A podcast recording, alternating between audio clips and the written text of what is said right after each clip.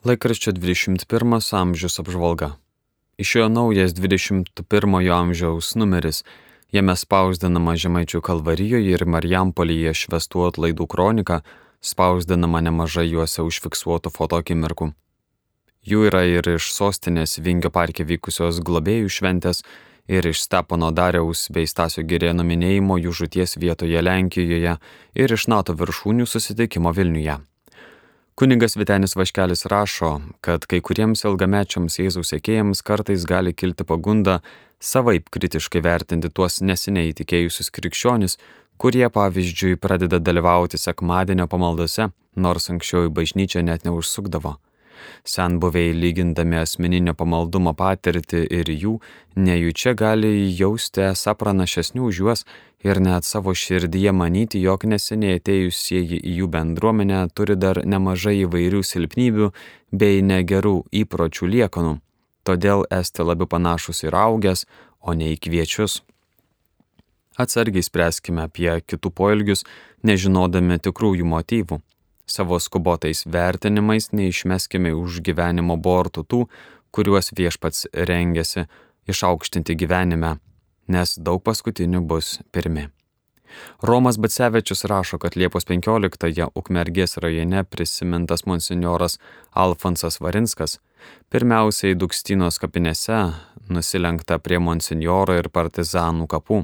Paskui netoliese Kadrienų kaime monsinjoros Varinsko įkurtame didžiosios kovos apygardos partizanų parke aukotoms šventosioms mišioms vadovavo Šiaulių vyskupas Eugenijus Bartulis. Koncelebravo kardinolas Sigitas Tamkevičius, vyskupai Saulis Bužauskas, Jonas Kauneckas, kunigai Raimundas Kazaitis, Nerijus Pipiras ir Mindaugas Martinaitis. Homilijoje vyskupas Saulis Bužauskas sakė, kad gali kilti klausimas Dievui, kodėl negalėjai išgelbėti tų vargšų vyrų partizanų, žmonių, kurie buvo šitaip kankinami. Patyrė tiek daug vargo ir kančių lageriuose ir tremtyje. Kodėlgi viešpatie nebuvai jų paguoda? Bet gal Dievas leido visam tam įvykti, kad mes suprastume, jog meilė ir ištikimybė visuomet brangiai kainuoja. O to, ką gauname veltui, mes nevertiname. Daugybę dalykų įvertinti įmame tada, kai jų netenkame. Taigi galbūt partizanai ir tremtiniai turėjo mokėti tokią didelę kainą, kad paliudytų, kokie brangus dalykai yra laisvė, tikėjimas, tėvynė.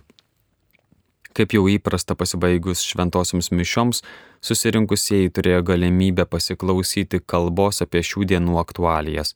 Šį kartą apie jas kalbėjo rašytoja, poetė Erika Drungytė kalbėdama apie monsinjoro Alfonso Svarinsko indėlį į visos Lietuvos ir net pasaulio istoriją, iš kurios jo niekas neištrins, kad ir koks didelis noras būtų, Erika Drungytė klausė, ar įmanoma pasakyti, kas šiam žiauriai kankintam, be paliovos lapčia sektam, tremtam ir kalintam kunigui buvo stiprybės šaltinis. Jos stuburas nelinko, nelingavo, jokia propaganda jo neveikė, joks melas, saltus pažadai ir vilionės negundė, tačiau monsinjoro išskirtinumas tas, kad jis neakimirkos nenutilo.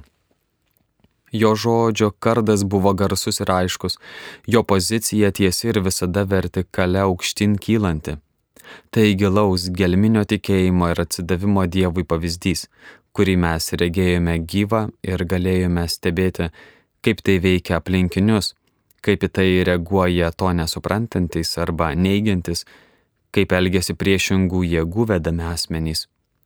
21 amžius spausdina visą vyskupo Sauliaus Bužausko homiliją ir rašytojos Erikos Drungytės kalbą.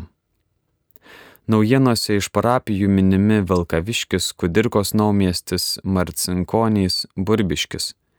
Išėjo ir laikraštis Katalikas, jame rasime kelias naujienas iš kelių parapijų. Štai Pilviškiuose per titulinius švenčiausiosios trejybės atlaidus pašventintame ir bendruomenės reikmėms atvertame klojime parapiečiai ėmė rinktis draugę skaityti šventą įraštą. Registruotis kviesta Facebook'e į klojimą susirinko 19 žmonių, jaunų ir garbaus amžiaus, jie ir klebonas kuningas Gediminas Bulevičius skaitė Evangeliją pagal Joną. Apie tai rašo Birutė Nenenienė. O štai Kedainių Šventojų Jurgio bažnyčioje pagerbta Kauno arkivyskupo Kestučio Kievalo Šiluvos Dievo motinos medaliu apdovanota parapijietė Genovaitė Matusevičinė. Rašoma, kad dabar jau į Ukmergę iškelia, iškeliamas klebonas kunigas Artūras Stanevičius stengiasi, kad kasmet tie parapiečiai, kurie daug metų nuo širdžiai darbuojasi bažnyčioje ir yra aktyvūs, tokį apdovanojimą turėtų. Gargždų parapijietė Kazimiera Sipienė dalyjasi įspūdžiais iš kelionės į atlaidus Žemaičių kalvarijoje, kai buvo Gargždų dekanato diena. Kiekviename katalikė spausdinamuose pamokslėliuose apie išpažinti, kuningas Jonas Paliukas šį kartą rašo, kad kartais blogą įtaką vaikų pasirinkimui, pas kurį kuniga eiti iš pažinties, daro mama. Apžvalgą parengė laikraščio 21 amžius redakcija, perskaitė Vykintas Kuodis.